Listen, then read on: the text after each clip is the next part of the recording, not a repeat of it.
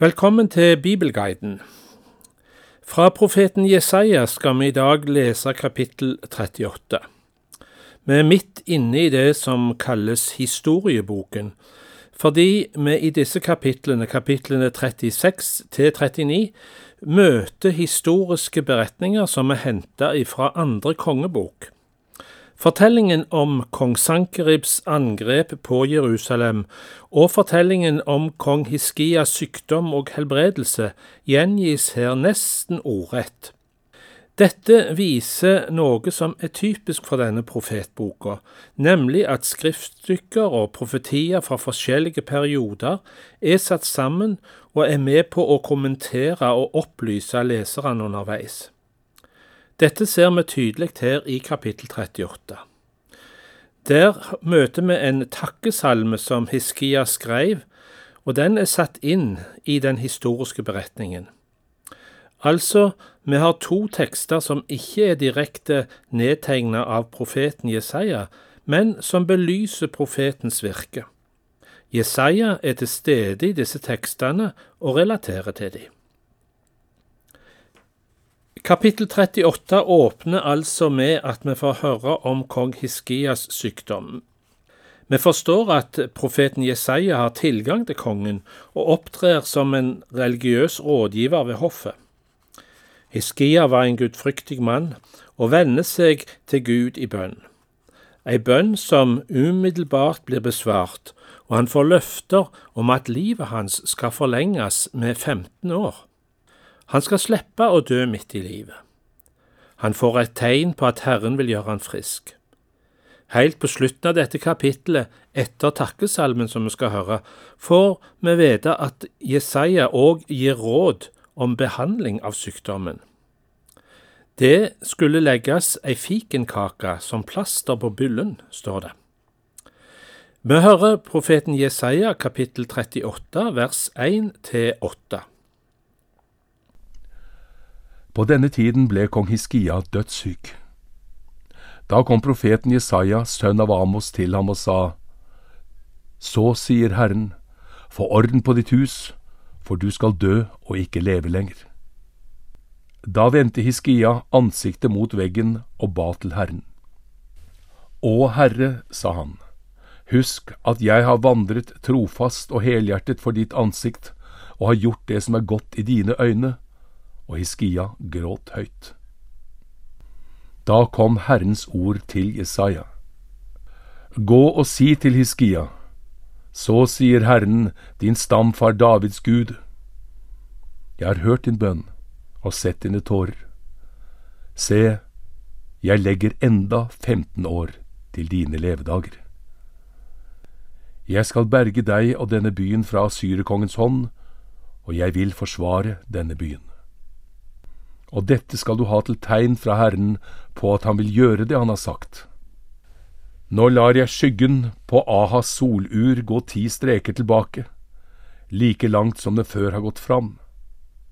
Og solen gikk ti streker tilbake, like langt som den før hadde gått fram.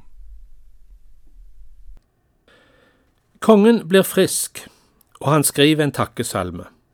I de første versene beskriver han sin fortvilelse etter at han fikk beskjed om at hans sykdom vil føre til en altfor tidlig død. Her får vi òg et innblikk i hvor lite folk i Det gamle testamentet visste om livet etter døden. Oppstandelsen og et liv med Gud var ennå ikke forkynt til deg. Det kom med Jesus. Derfor har vi denne håpløse og triste beskrivelsen av det å dø. Mens vi etter Jesu oppstandelse kan se fram til et liv etter døden med Herren, fortviler kong Hiskia og sier, Jeg får ikke se Herren. Den Herren som er i de levendes land. Vi leser versene 9 til 16, Kongens bønn under sykdom. Dette skrev judakongen Hiskia etter at han hadde vært syk og var blitt frisk igjen. Jeg sa, midt i livet må jeg gå til dødsrikets porter. Der blir jeg voktet på resten av mine år. Jeg sa, jeg får ikke se Herren, Herren i de levendes land. Jeg får ikke se et menneske mer av dem som bor i verden. Min bolig blir brutt ned, tatt bort fra meg som teltet til en gjeter. Jeg ruller sammen mitt liv, som en vever fra renningen skjærer han seg løs. Før dagen blir natt, gjør du ende på meg. Jeg roper om hjelp til morgenen kommer. Som en løve knuser han alle mine knokler. Før dagen blir natt, gjør du ende på meg. Jeg piper som svalen og trosten. Jeg klynker som en due. Hjelpeløs ser jeg mot det høye. Herre, jeg er presset. Gå god for meg, du. Hva skal jeg si? Han har talt til meg. Han har gjort sitt. Bitter til sinns må jeg vandre alle mine år. Herre, ved dette lever de, og ved alt dette lever min ånd. Gjør meg frisk, og la meg leve. Men Gud greip inn. Kongen blei bønnhørt, og han vitne. Se, til fred ble det bitre. Du har reddet min sjel. Ja, enda til mine synder har du tatt bort. Mange har opp gjennom tidene opplevd det samme som Hiskia og synger sammen med han. Vi hører versene 17 til 20 i det 38. kapittel av Jesaja. Se, til fred ble det bitre, det som var så bittert for meg. Du har reddet min sjel fra ødeleggelsens grav, for du har kastet alle mine synder bak din rygg. Dødsriket takker deg ikke, døden lovsynger deg ikke. De som har gått i graven, venter ikke på din trofasthet. Den levende, den levende er det som takker deg, slik jeg gjør i dag. En far forteller sine barn om din trofasthet. Herren vil frelse meg. La oss spille på harpe foran Herrens hus, så lenge vi lever.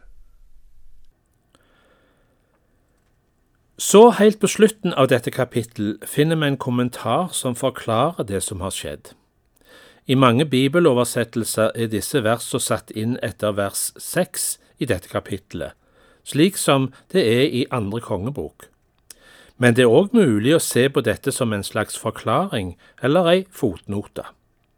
Vi leser versene 21 og 22. Jesaja sa, Hent en fikenkake og legg den som plaster på byllen, så blir han frisk. Da sa Hiskia, Hva skal jeg ha til tegn på at jeg kan gå opp til Herrens hus? Takk for følget i dagens utgave av Bibelguiden, og velkommen tilbake.